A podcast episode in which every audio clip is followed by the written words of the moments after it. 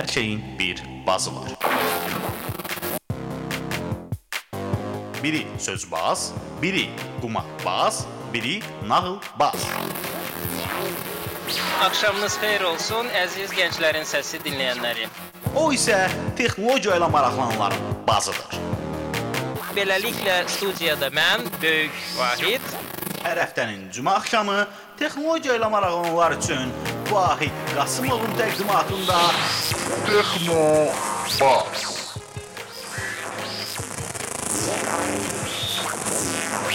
Texnologiya ilə bağlı hər şey. Texnobasda.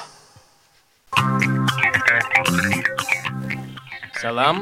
Hər vaxtınız xeyir olsun, əziz gənclərin səsi dinləyənləri. Hər cümə axşamının axşamı olduğu kimi Gənclərin Səsi onlayn radiosunun efirində canlı olaraq yayımlanan Texnobaz verilişi yenə də efirdədir. Bizi canlı efirdə dinləyənləri salamlayıram. Bizimlə qalın, bizi dinləməyə davam edin. Dost tanışlarınıza da internet vasitəsilə linkimizi yollaya bilərsiniz ki, onlar da Texnobaza canlı olaraq ə, dinləmənin keyfini sizinlə birlikdə yaşasınlar. Texnobazı ilk dəfə dinləyənlərin nəzərinə çatdırmaq istəyirəm ki, Gənclərin Səsi onlayn radiosunun efirindəki Texnobaz verilişi texnologiyaya marağı olan bütün gənclərə ümum dünya texnologiya xəbərləri, yerli texnologiya yenilikləri və milli texnologiya həyatı haqqında bir-birindən maraqlı qonaqlarla çox-çox müxtəlif mövzularda canlı olaraq ə, gedən bir verilişdir. Əvvəlki ə, buraxılışlara qulaq asa bilməmisinizsə,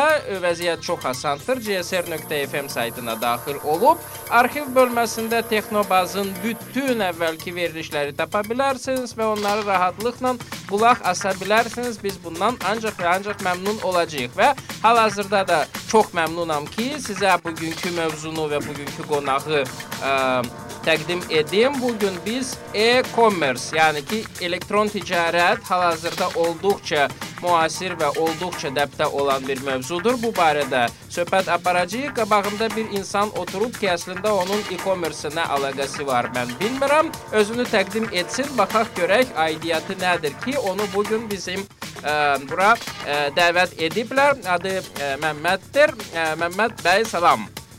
Axşamınız Özünü xeyir. zəhmət Vay, vay. olmasa elə təqdim elə ki, başa düşülsün ki, e-commerce-la sənin nə kimi bir qohumluq ə, əlaqən var ki, bu günləri biz nə barədə söhbət aparacağıq. Aa, Axşamınız xeyir. Mən də sizi salamlayıram. Aa, E-commerce-dan mənim əlaqəm Yoxdur. ə, son belə deyək 5-6 aya görə əlaqənin olduğunu demək olar. Ə, Məmməd Kərimov daha çox internet media üzrə ə, əvvəllər ə, belə deyək fokuslanmışdım. Aha. Bu marketinq, müxtəlif texnologiya xəbərləri ilə əlaqəli olan media layihələr, Makaz, Mobiz və s. Aha. və bir çox ə, tədbirlərin, TEDx, Toxum və s. kimi tədbirlərin təşkilatçısı kimi. Ə, elektron kommersiya ilə isə demək olar ki, bu keçən yayın ortasından başladıq ə, maraqlanmağa və bu maraq niyə əmələ gəldi? Çünki son belə deyək 10 ildir mən internetdə çox aktivəm, ə, amma dediyim istiqamətlərdə daha çox media, daha çox belə deyək icmanın inkişafı və s. böyük trafikin əmələ gəldiyini və insanların daha çox internetdə vaxt keçirdiyini görüb bir də dünya Düşündün ki, bundan nəyə ki, görə pul qazanmayaq? axır ki bəlkə biz də pul qazanaq bunun kommersiya tərəfindən. Yəni marketinqlə məşğul olan Bəli. insanın beynin bir tərəfi hər zaman ona əlbəttə ki, işləyir. pula işləyir, bəli. Aha. E, və belə qərara gəldik ki, elektron kommersiyanın e, əsas belə deyək, öndə gələn e, istiqamətlərindən biri də bu private shopping, yəni onlayn geyim satışı e, saytlarıdır. Biz də elə bir tip layihəyə start verdik. E, 3-4 ay development layihənin inkişafına vaxt getdi. Dekabrın 3-dən isə biz onlayn e, artıq fəaliyyət başlayırıq. Yəni dekabrın 3-dən biz artıq e, sifarişləri qəbul edirik. Bu ayın əvvəlindən isə biz artıq kredit kartı ilə də ödənişləri qəbul etməyə başlamışıq. Yəni sözün əsl mənasında e-commerce e, işi ilə məşğul olmaq artıq deyə bilərik ki, məşğuluq. Aha. O hansı layihədir bilmək olar? Bu layihənin adı Modahadır. Yəni moda və dahası daha artığı iki söz Ha, birləşməsi. Mo daha. Modaha və Hə. belə deyək, biz çalışdıq internetdəki o bəzi ə, ö, x şı kimi sıxıntılardan uzaq olaq Hə. və qısa qısa bir ad yadda qalan olsun. Elə belə ha qoysaydınız olmazdı. Yo, o, Və o, mo- dom, o domain ala bilməyəcəkdik hər Hə. Yəni layihə belədir. Moda.com. Aydındır. O moda ha.com-da ə, nə almaq olar ha? Bu bildiyiniz biz açığı hal-hazırda e, belə deyək, stok anbar üzərindən çalışmırıq. Bu Türkiyəyə bağlı e, sifarişlər Türkiyəyə gedir. Yəni bizim tədarükçülər var. Tutalım e, bir gün 10 sifari, 10 yeni kampaniya başlayır. Növbəti gün daha 5-ə əlavə olunur. O birisi növbəti gün daha yenidən. Hə, amma nələri əhatə eləyir? Tutalım uşaq geyimi, qadın, kişi geyimi, aksesuarlar, ayaqqabı, çanta, e, tutalım dekorasyon, e, hədiyyəlik əşyalar daha çox bu bu istiqamətdə. Aydındır. Azərbaycanda ümumiyyətlə bununla əlaqədar vəziyyət necədir? Yəni hal-hazırda elektron kommersiyanın ə, populyarlığını ə, anlamış ə, neçə nəfər adam var? Ümumiyyətlə neçə dənə belə kifayət qədər ə, üzə çıxan layihəmiz var bu sahədə? Üzə çıxan layihələr var. Mən bilmirəm adları qeyd etmək olar yoxsa yox. Olar, olar, heç bir problem yoxdur. Biz ASTV deyilik. Məsələn, bu endirim kuponlarının satışı ilə məşğul olan e, bir smart layihəsini qeyd edə bilərik ki, düzdür dövriyyələrini qeyd eləməyəcəm, amma mən eşitmişəm və e, bilirəm ki, onlar normal dövriyyə yaradır. E, Yəni təsir Tamam. edici bir büdcədir. yəni e, ciddiyə alınmalı bir rəqəmdir ki, o işlə yəni İnsan həmin rəqəmi olsun. eşitdiyi zaman başa düşür ki, Yəni bu- bu işlə məşğul olmağa dəyər. Bəli, bu 100 mindən yuxarıdır məsələn. Məsələn belə Bu rəqəm. aylıq, illik aylıq aylıq rəqəmlərdir Aha.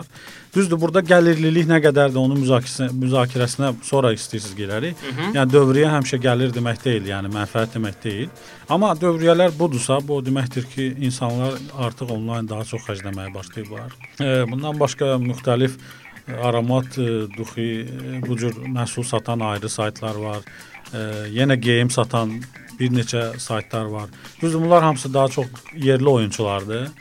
E, mən düşünürəm ki, qlobal oyunçular da yavaş-yavaş bura gəlməyə başlayacaq. Məncə qlobal oyunçular bu bazarın bir ə, hissəsini artıq dişləyiblər və onu daha əvvəl dişləyiblər. 5-6 il bundan əvvəl artıq ə, eBay-dən tutmuş Amazona qədər ə, sifarişlər olurdu Azərbaycandan ə, və Açığı hal-hazırda o model çalışır. Yenə də eBay üzərindən sifarişlərin qəbulu və çatdırılması var. Amma bu bildiyiniz sizin nəzarətinizdən kənarda olan bir prosesdir. Yəni eBay-də kimsə nəsə çıxardır, o onu gedib istəyir və s. Yəni bu axır əvvəl o işə quru belə deyək, e, yönəlmiş adamların əlindən çıxacaq. Çünki e, internet istifadəçilər özü getdikcə maariflənir və özü öz alış-satış prosesində özü iştirak edir. Yəni artıq kimsə balaca bir e, tutalım firma bu işi çatdırılmasını götürsün boynuna. Bu iş e, belə Yox, gedəsi mən deyil. ə, Hı. eBay ilə ə, istifadəçilər arasında aracılıq ə, funksiyasının ə, oynamasının şeyi deyildim. Okey. Yəni insanlar bilavasitə özləri ən azından sifariş eləyirdilər və oradan mal sifariş eləyirdilər. Bəli, Mən o var. O cəhətdən deyirdim ki, beynəlxalq oyuncular məhz eBay-dir, məhz Əlbəttə. Amazondur. Onlar var. Onlar əvvəldən mövcud olub. Əlbəttə ki, biz bu əlifbanın e, belə deyək A hərfini başlayanda artıq onlar bizim bazarda, amma deyim ki, daha çox e, advanced istifadəçilər, yəni bu bu istiqamətdə məlumatı olan və biraz bacarığı olan adamlar daha çox, amma indi isə bizim yerli layihələrlə artıq adi istifadəçilər də bu işlərlə məşğul olmağa başlayır. Ə, Dünyada vəziyyət necədir? Yəni ki, onlar artıq çoxdandır bunun pikini yaşayıblar və hal-hazırda yavaş-yavaş kulminasiya nöqtəsindən doğru aşağıya mı düşürlər, yoxsa tam əksinə inkişaf tam sürətlə ə, davam edir? Dünyada internet dünyasında Çünki elektron kommersiya uje artıq nə bilim 20 ildən çoxdur ki, mövcuddur. Bəli. Elektron kommersiya daha çox əvvəllər e, düzdür. E, biraz kontent üzərinə idi, yəni digital kontent və s. O nə deməkdir? Yəni bu fiziki olmayan bir məhsul, musiqi, müxtəlif şəkillər və ya tutalım hosting servisi, yəni digital olmayan şeylərdən başladı. Aha. Sonradan bu fiziki ə, belə deyək də fiziki əşyalara da keçdi. Ə, düzdür. İnternetin sürəti artdıqca, ümumiyyətlə bu Web2 və s. dəyişdikcə HTML5 applicationlar bu heç vaxt azalmadı. Tərsinə getdikcə artdı və insan belə deyək də əhatə dairəsi əhatə, insanlara əhatə böyüdü. Amma son dövrlərdə əlbəttə ki, bu e, belə deyək də bu bubble anlayışı internetdə bu şişirmələr, şişirdilmiş e, göstəricilər çoxaldıqca artıq bəzi layihələr düzdür, batdı və ya birləşdi. Hı -hı.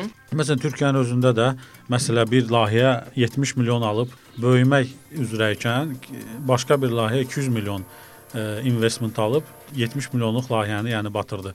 Bu hadisələri bu saat biz müşahidə edirik. Hı -hı. Amma ümumiyyətlə oyunun dağılmağı və ya istifadənin aşağı düşməsini biz e, görmürük. Yəni, yəni bayaqki çəkdiyim misal o deməkdirmi ki, kimin pulu daha çoxdur, o e, qazanmağa daha meyllidir. Açığı biraz e, belə deyək də game changerlar oldu yəni bu işlərdə. Məsələn, əgər biz yemək işini götürsək, Hı -hı. E, onlayn yemək e, təklif edən bir tutalım bir e, mərkəzləşmiş bir sayt yaradıldı Hı -hı. və bütün yemək təklif edən şirkətlər ora yığıldı və yemək səbətindən gedir. Yemək səbəti. Cürbəcür çoxdular.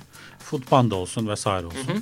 E, bunlar yeməkləri təklif eləyirlər və tutalım 1 milyon insan toplanır bura.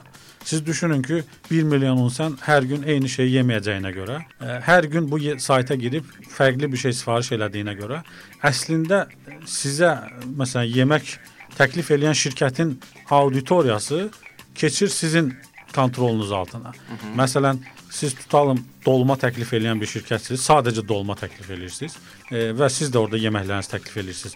Bir müddət sonra sizin tutalım 20 minlik kütlə artıq o saytdadır və sayt istədiyi kimi o kütləni idarə eləmək qüdrət əldə eləyir və tutalım sizin təklifləri başlayır daha aşağıda verməyə və s. Və bunu bəzi yemək şirkətləri görüb. E, onlayn təkliflərini ucuz yox, daha baha təklif eləməyə başladı ki, insanlar offlaynda, yəni e, restoranın özünə getməyə başlasınlar. Yəni trend belə deyək, 1 il ərzində çox fərqli inkişaf elədi. Əvvəl onlaynda olmaq o layihədə, o mərkəzləşmiş yerdə olmaq sərf eləyirdisə, bir müddət sonra kontrol nəzarət sizdən çıxdığınıza görə artıq o şirkət dedi ki, mən öz restoranımda daha ucuz təklif edirəm, siz bizə gəlin. Yəni bu onlayn işlərdə həqiqətən pulu olan yox, e, o ideyanı məsələn inkişaf elətdirib auditoriyanı öz ətrafına yığanda yığanlarda olur. Oyunu dəyişənlər Çoxluq hər zaman yaxşı şeydirmi? Nəzarət oluna bilinən çoxluq əlbəttə ki, çox ə, e, yəni çox dəyərli bir ə, e, şeydir deyək. Yəni çox böyük bir dəyərdir. Çünki çoxluğa fərqli bir istədiyiniz məhsulu hansısa formada sata bilirsiniz. Çünki belə bir şey var da, tutalım ki, müəyyən nöqtə var, nə vaxta qədər ki, istəyirsən ki, sayı artsın, çünki sənin ə, resursun ona çatır. Ondan sonra məsələn, bir sonrakı mərhələyə keçmək üçün insanlar ə, resursunu aşırsa, bu deməkdir ki, ya sifarişləri çatdıramırsan, ya servisin keyfiyyətsizləşir və ya resursunu artdırmalısan. Resursunu artdırmaq üçün investisiya lazımdır və s. və axır. Yəni bir-birinə bağlı olan amillərdir. Ona görə ə, sonsuza dək bunu artdırmaq nə dərəcədə məsləhətlidir və ya ə, məsələn tutalım ki, ideal bir sayını ə, cəlb elədikdən sonra onu müəyyən səviyyədə qura, qorumaq nə dərəcədə ümumiyyətlə hər məntiqlidir. Bir, hər bir ideyanın mükəmməlliyi və ümumiyyətlə hər bir internet startapın və elektron kommersiya, ümumiyyətlə hər işin ideal bir mükəmməl ə, mükəmməlliyi onun əvvəlcədən proqnozlaşdıra bilinməsidir. Hı -hı. Yəni siz bir layihəyə başlamısınızsa və sizin tutam layihəyə cəmi 100 nəfəri əhatə edirsə, siz bilməlisiniz ki, maksimum bunun əhatə edə biləcəyi güc nədir? Tutalım bu 1 milyondursa, siz əvvəlcədən 1 milyona necə çatacağınıza və onu necə idarə edəcəyinizi bilməlisiniz. Əgər siz bunu əvvəlcədən proqnozlaşdırmısınızsa, o elə bir böyük çətinliyə səbəb olmur. Hətta bura rəqabəti və s nəzərə alaraq. Onu əvvəlcədən nəzərə almaq lazımdırmı? Tutalım ki, Azərbaycan kimi bir yerdə bir e-ticarət saytını açırsansa, bir şey satmağa başlayırsansa, o deyirlər sinka-soska ticarəti. yəni ki, onunla məşğul ola-ola nəzərdə tutmalısan ki, hardasa bir neçə il sonra auditoriyan 1 milyon olacaq və mən onu necə idarə edəcəm? Məncə, məncə alınmalıdır. Ən azı, ən bəsit SWOT analiz aparılmalıdır bizim belə deyək, marketinq anlayışından. Vay vay vay vay vay. vay. Ümidvaram ki, marketinqdə və heç olmasa menecmentdə oxuyan uşaqlar başa düşüblərlə gedir söhbət. Hə. Yəni bu qısaca deyək də, sizin layihənizin güclü, zəif, e, fürsətlər və təhlükələr deyə bir dördlüyünün siyahısı çıxma- çıxmalıdır ki, sizin üstün cəhətləriniz nədir, rəqibdən əksik tərəfləriniz nədir, bazarda imkanlar nədir, fürsətlər nədir və sizi hansı təhlükələr gözləyir. Yəni əgər siz geyim işinə girmisinizsə və ə, bu sektorda hansısa məhsul kateqoriyası üzrə monopoliya olma eh, ehtimalı varsa, monopoliya ə, necə ola bilər? Əgər ölkə daxilində onun istehsalı varsa və dövlət maraqlıdırsa yerli e, istehsalın inkişafı və s. ola bilsin ki, orada preventiv tədbir olaraq ona vergilər daha çox olsun. Yəni mən bunu nəzərdə tuturam. Siz onu əvvəlcədən görməlisiniz ki, məsələn, uşaq e, uşaq ayaqqabıları tutalım, bu bizim ölkədə özü istehsal olunacaq. Ona görə xaricdən asılı olmaqdansa yerli ilə əvvəlcədən danışıqlara hazır olmaq lazımdır. Yəni bu tip nüanslar %100 əvvəlcədən görülə bilməz, amma ən mükəmməli odur ki, heç olmasa onun yarısını bəlkə Heç olmasa nəzərə alasan. Nəzərə yəni alınsın, başdan bəli, o, bəli. ola bilsin ki, elə xarici ilə başladın, amma ki elə Bəli. bir va- variantları da ə, gözdən qaçırtmamaq lazımdır ki, ola bilər. Ə, yaxşı. Tutalım ki, bu işə, ümumiyyətlə e-ticarətə başlamaq üçün ə, belə deyək də hansı ə, şeyləri adam bilməlidir. Hansı ə, imkanları əldə olmalıdır və ya sualı belə qoyaq da, ə, deyəlim ki, şəhərin bir yerində dükan açıb ə, ticarətə başlamaqmı daha sərfəlidir, yoxsa ə, internetdə bir sayt yaradıb ə, elektron ticarətlə məşğul olmaqmı daha sərfəlidir? Yəni hansı daha az investisiya tələb eləyir və ya bilik nöqteyi nəzərdən ə, nə dərəcədə onlar fərqlənir? Burada əlbəttə ki, əldə olan vəsaitdən ə, çox şey asılıdır. Ə, Sizin yanınızda olan ə, komandadan çox şey asılıdır. Ə, Yəni bu layihəni görmək istədiyiniz bir heyətdən. Ə, Ondan başqa sizin gələcəyinə bax, gələcəyə baxışınız, yəni vizyon çox əhəmilidir ki, siz uzun müddətlimi görür, görürsüz bu işi, yoxsa qısa qısa ə, vaxt ərzində qoyduğunuz pulu geri götürməyi mi istəyirsiniz? Əlbəttə ki, o qısa müddət hamıda ə, bizim bizdə xüsusən bu daha belə önə çıxır. Hamı qısa müddətdə istəyir geri dönüş, amma internet ə, proyektlər elə bir layihədir ki, biraz müddət tələb eləyir. Çünki bizim ölkədə bu internet istifadəsi, ümumiyyətlə internetdə inam və s. çox böyük faktorlardır. Ə, Ona görə, yəni mən daha çox vəsait və ətrafınızdakı o heyət nə necədir, ondan asılıdır. O, ona görə deyərdim. Amma Yəni heyətim, heyətim yoxdur. Mən təkəm. Yəni bir qədər də Biraz pulum var. var, aha. Hə, məsələn bir 3000-dən Biraz 5000-dən siz- var. Nəyəyim mən gedim bir toçka götürüm orada bir yeşik Bu- qoyum, bu şəxsi- mı satım yoxsa bir sayt açdırıb Bu orada biraz məsələn- insanın e, daxili aləmi ilə də əlaqəlidir. Yəni onun e, siz bəzi məsələn mənim də ətrafımda nə qədər də tutalım yaşımız indi tutalım imkan verir ki, biz deyək ki, tutalım biz hələ daha cavan cavan dövrdəyik, biz texnologiyaya daha yaxşı bilirik. Amma mənim belə ətrafımda öz yaşlarımdan e, bu onlayn işə biraz e, belə deyək də bayağı baxanlar var da, yəni ki, bu, bu ciddi iş deyil və s. Yəni orada bu nüanslar var. Yəni insanın özündən asılıdır. Bu bu mövzuya inanır yoxsa inanmır. Ha, məsələn insan var ki, tutalım 1 milyon var, düzdür? Amma bunu internetə qoyum, qoymayım. Onun üçün şəxsi təcrübəsindən çətindir. Amma mənim ona inandırmağıma qalsa, bəlkə bəlkə mən inandıra bilərəm ki, gətir bu ə, vəsaiti internet layihələrə qoyaq. Elektron kommersiya layihə qoyaq. Amma bəziləri isə onu inandıra bilməz. Yəni burada bir çox nüans var ki, ə, amma mən tövsiyə elərdim ki, Yəni pul mənimdirsə heç kimi inandırmaq məcburiyyətində deyiləm. Konkret sual ondan gedir ki, o hansı daha sərfəlidir? Məhəllədə toçka açmaqmı, yoxsa internetdə sayt açmaqmı? yenə orada çıxır hansı məhəllədir bu, hansı toçkadır və s. yəni çox nüanslar var ki, yəni mən ona açıq bir cavab verə bilmərəm yəni. Aha, yəni ki, e, kommersiya sirridir deyirsən və açıqlamaq Demədim istəmirsən. kommersiya sirridir. Yəni e, bir insan dediyim kimi e, mənə daha rahat olardı ki, insan desin nə hansı vəsaiti ortaya qoyur və əlində hansı iki alternativ var. Mən ona rahat deyərdim. Əgər bu o həmin o toçka məsələsidirsə, mən e, de, şərtlərə baxıb deyərdim, hə, toçkaya get. Amma baxmaq lazımdır. Aha. Amma bu mən toçka hardadır? dinləyicilərimizə balaca bir sirr açım. Əgər e, Məmməd bəy elektron kommersiyaya girişib də toçka açmayıbsa, toçkan yoxdur da elə bil. Yoxdur, yox. Hə, deməli elektron kommersiya daha sərfəlidir. Ən azından uzun müddətli fikirlərsək ə, və ya ə, daha sərfəli olmasa belə image nöqteyi nəzərdən çox daha Yox, mən- ə, üstün bir Vahid bəy, ticarət növüdür. Mən sizə deyim də, yəni burada bir qısqanclıq və ya burada bir rəqabət hələ ki atmosferi yoxdur ki, mən e, nəsə burdan e, bu tutalım bu təşəbbüskarları e, qorxuzdurum və ya deyim ki, gəlməyin. Çünki hər başlanılan elektron kommersiya layihəsi e, digər elektron kommersiya mövcud olan və ya olacaq olan layihəyə dəstək kimidir. Hal-hazırda hə, Azərbaycanda mən tamamilə Yəni, milyon razıyam. faiz bu belədir. Çünki nə qədər çox insan görsə ki, bu işlər ele- elektron baş verir, internet üzərindən baş verir, inam artacaq. Yəni bu yeməyi də ola bilər, geyim də ola bilər, bu adi sifar, taksi sifarişi də ola bilər, bank əməliyyatları.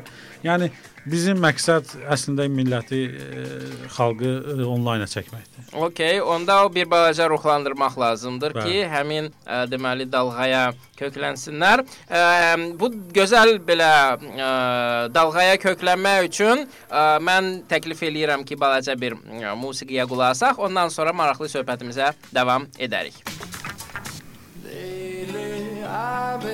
I've been losing sleep, dreaming about the things that we could be. But baby, I've been, I've been praying hard.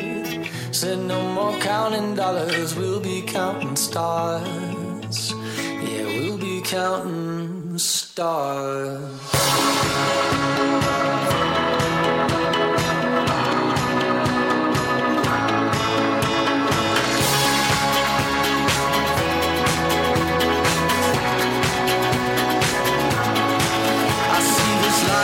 Like a swinging vine. Swing my heart across the line. In my face is flashing signs. Seek it out and ye shall find. Old, but I'm not that old. Young, but I'm not that bold. And I don't think the world is sold. I'm just doing what we're told.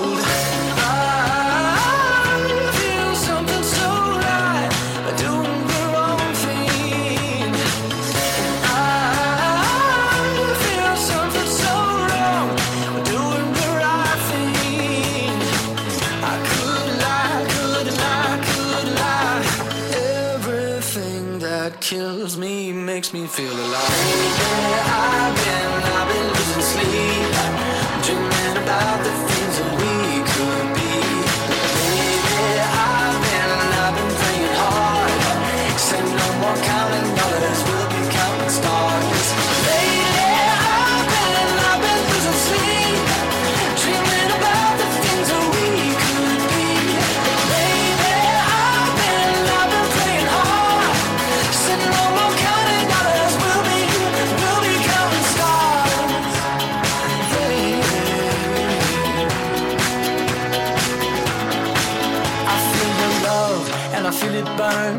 This river every turn. Hope is our four letter word. Make that money, watch it burn. Old, but I'm not that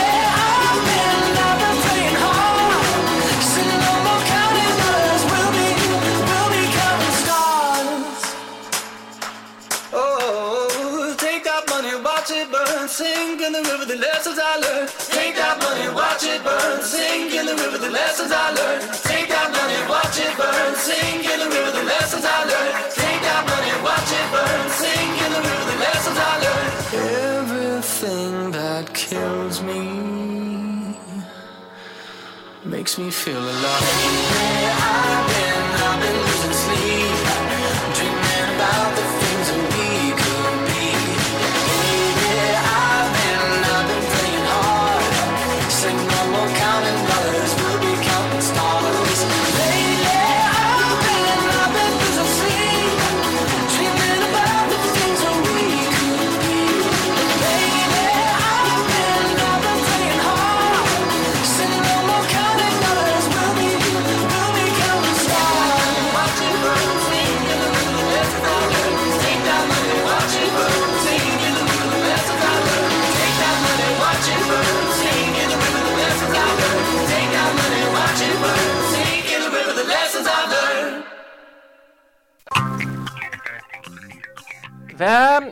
söhbətimizə davam edirik gözəl musiqidən sonra. Yadınıza salım ki, biz bu gün elektron ticarət haqqında, e-commerce haqqında danışırıq və studiyadakı qonağımız ə, Məmməd Kərimovdur, hansı ki, ə, marketinq sahəsində çox populyar və e, tanınan bir simadır və son vaxtlar yarım ilə yaxın bir müddətdir ki, e, marketinq deyərək ə, elektron ticarətlə məşğul olmağa başlayıb və artıq bu ə, çaya da ə, girib hal-hazırda belə suyun içində hərəkət eləyir sağa-sola.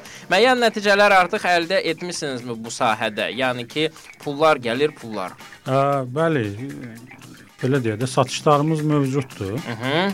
Ə, müştərilərimiz mövcuddur. Yəni gündəlik zənglər var və s.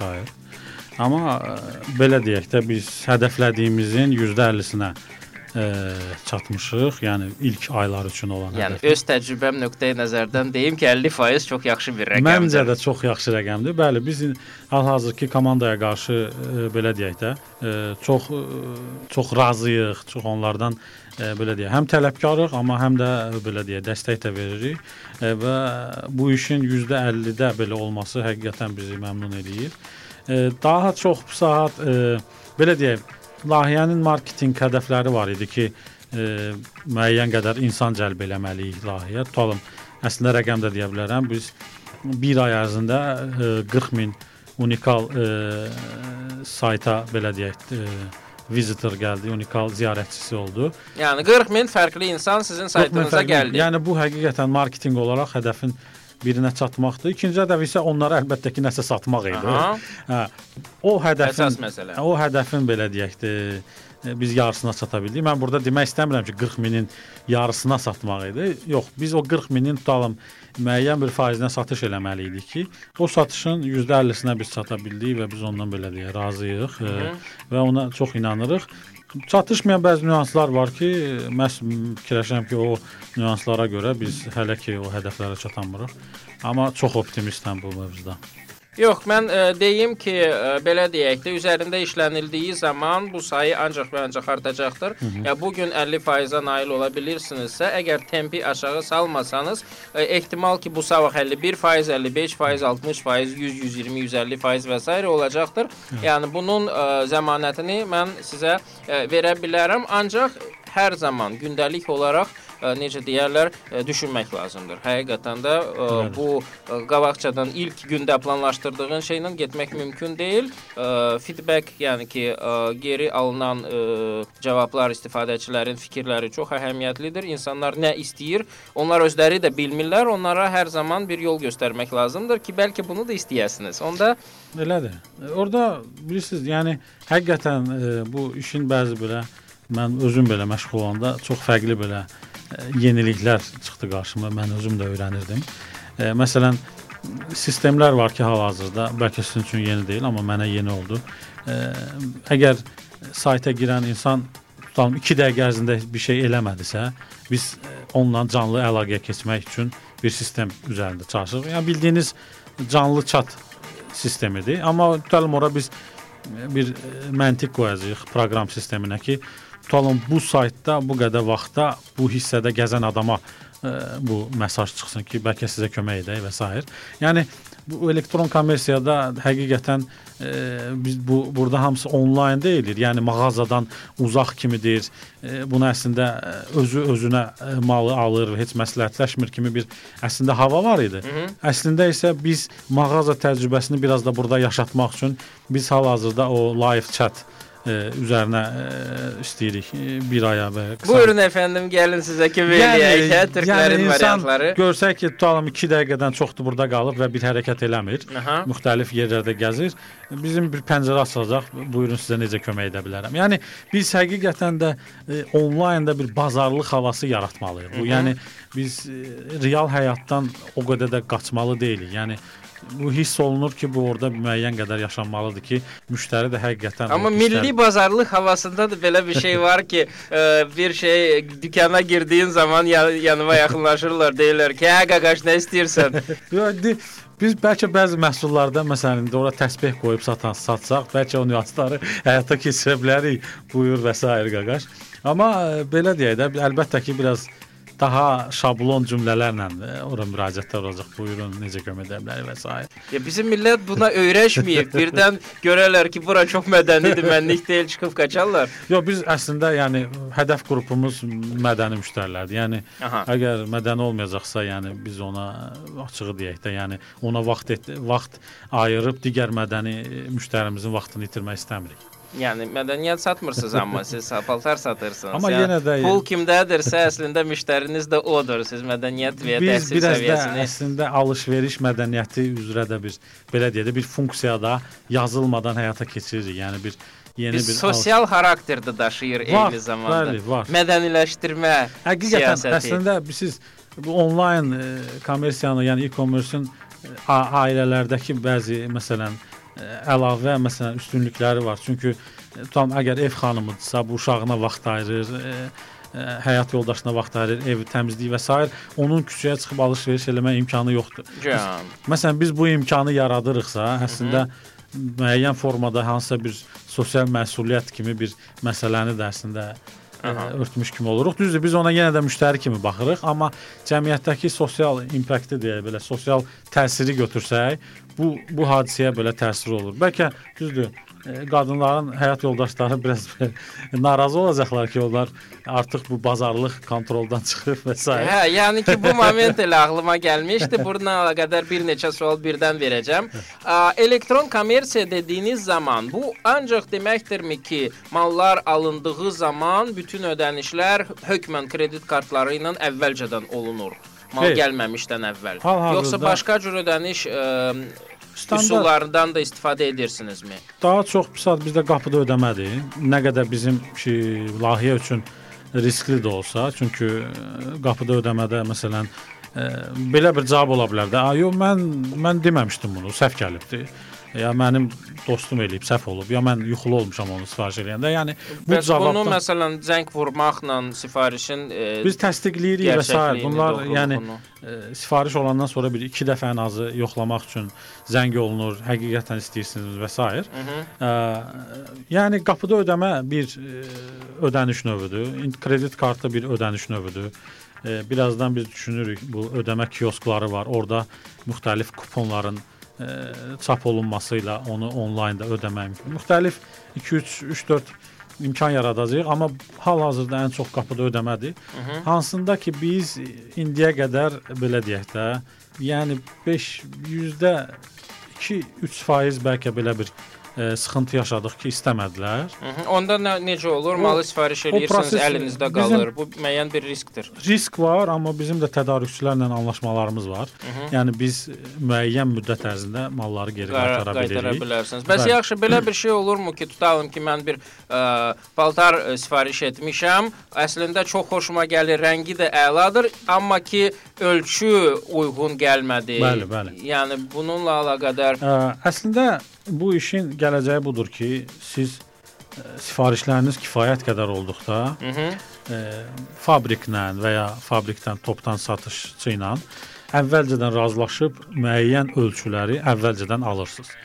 Amma burada həqiqətən sizin e, biraz gələcəyi görmə, biraz trendi tutma və sair qabiliyyətləriniz olmalıdır ki, biləsiniz ki, bu maldan çox sifariş olunacaq və siz əvvəldən e, bir çox ölçüləri əvvəldən sifariş edirsiniz. Ya, amma bu belə bir şey bu- burada da yaşanır ki, tutalım ki, dükana gedirsən, müəyyən bir ölçü istəyirsən, deyirlər ki, ya, o ən çox satılan ölçü də ondan qutarıb.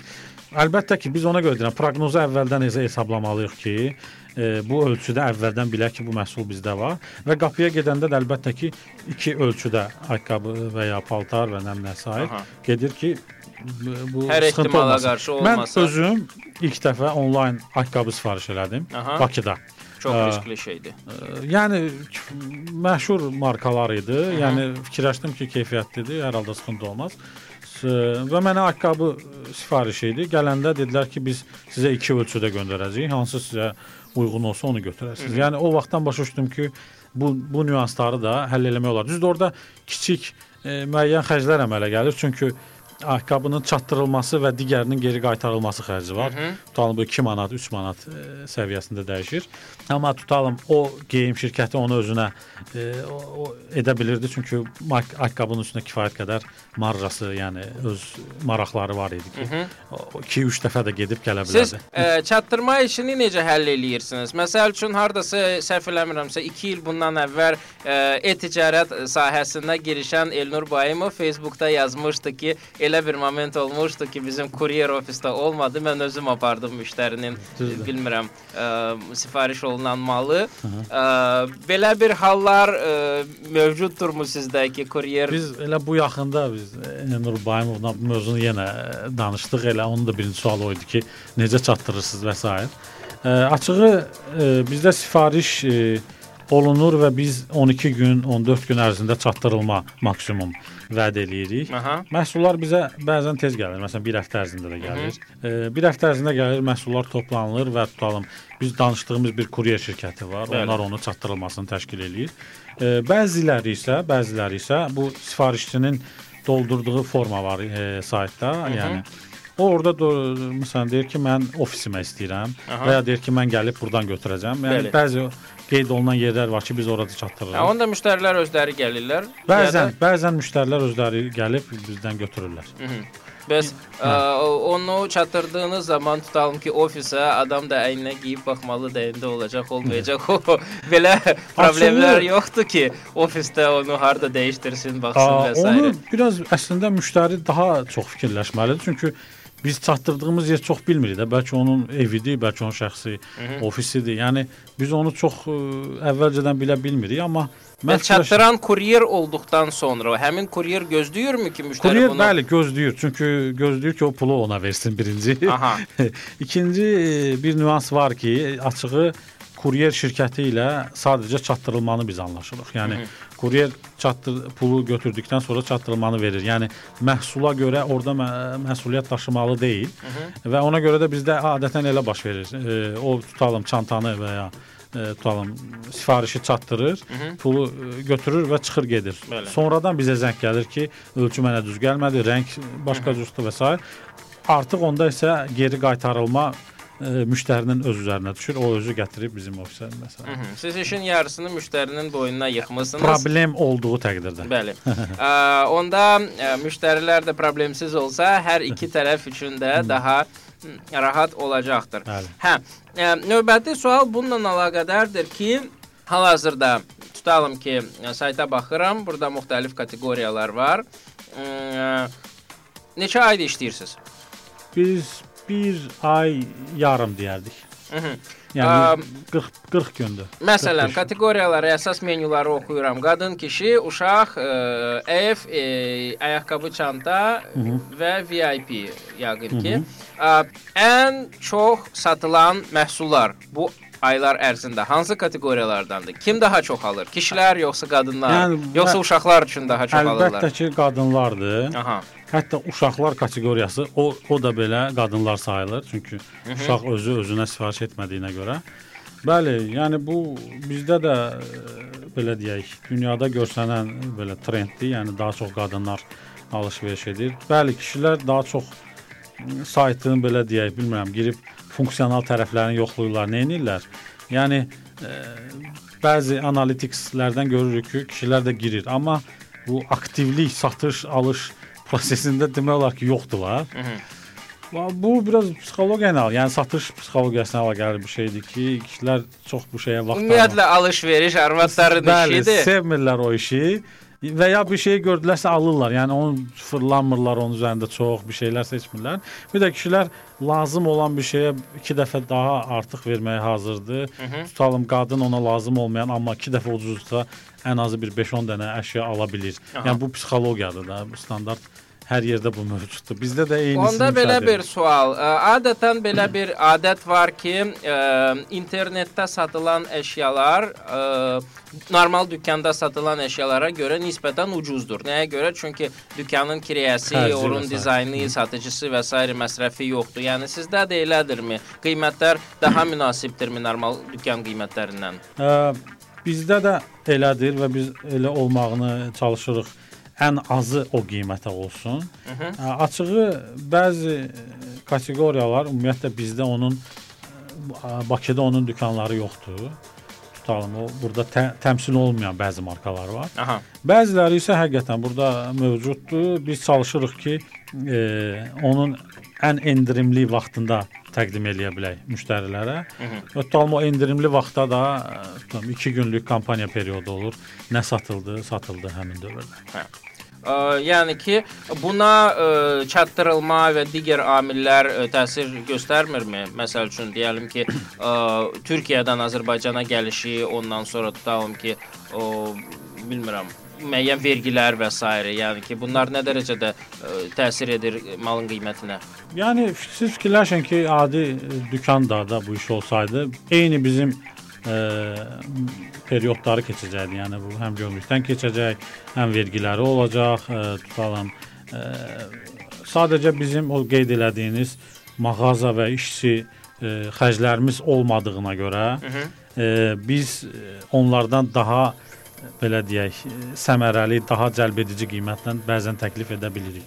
Bəzən isə bu mümkün olmur, çünki e, bəzi dükanlar bayaq qeyd etdiyim kimi topdan bəzi məhsulları alıb özündə ə, təqdim edə bilir. Biz isə o məhsulu artıq əldə edə bilmirik. Məsələn, o stokda, o anbarda bitə bilir. Dövlət nə dərəcədə ə, maraqlıdır ki, hal-hazırda məhz elektron kommersiya ə, inkişaf eləsin. Məsələn, hər hansı bir istər qanunvericilik nöqteyi nəzərdən və ya istər hansısa nə bilim digər ə, şeylər baxımından ə, hər hansı bir üstünlüklər varmı və ya köməkliklər varmı? Hal-hazırda və gözlənilirmi? Bəzi bizdə bəzi tədbirlər oldu ki, biz orada eşitdik ki, müəyyən fondlar yaradılıb ki, elektron kommersiyanın və müəyyən startapların inkişafına xərclənəcək, istifadə olunacaq. Ə, Biz onlara ümidliyik. Ondan başqa qanunvericilikdə müəyyən ə, dəyişikliklər olacaq ki, hansı ki bu vergilərin azad olunması, vergilərdən azad olma, ümumiyyətlə müəyyən güzəştlər və s. buna da biraz ümidliyik. Yəni dövlət tərəfdən, qanunvericilik tərəfdən ə, olacaq şeyləri belə deyək də optimist yanaşırıq. Nəinki ə, hansısa bariyerlər qoysun və s. Çünki bu ölkədə olmayan bir ə, anlayış və belə fəaliyyətdir.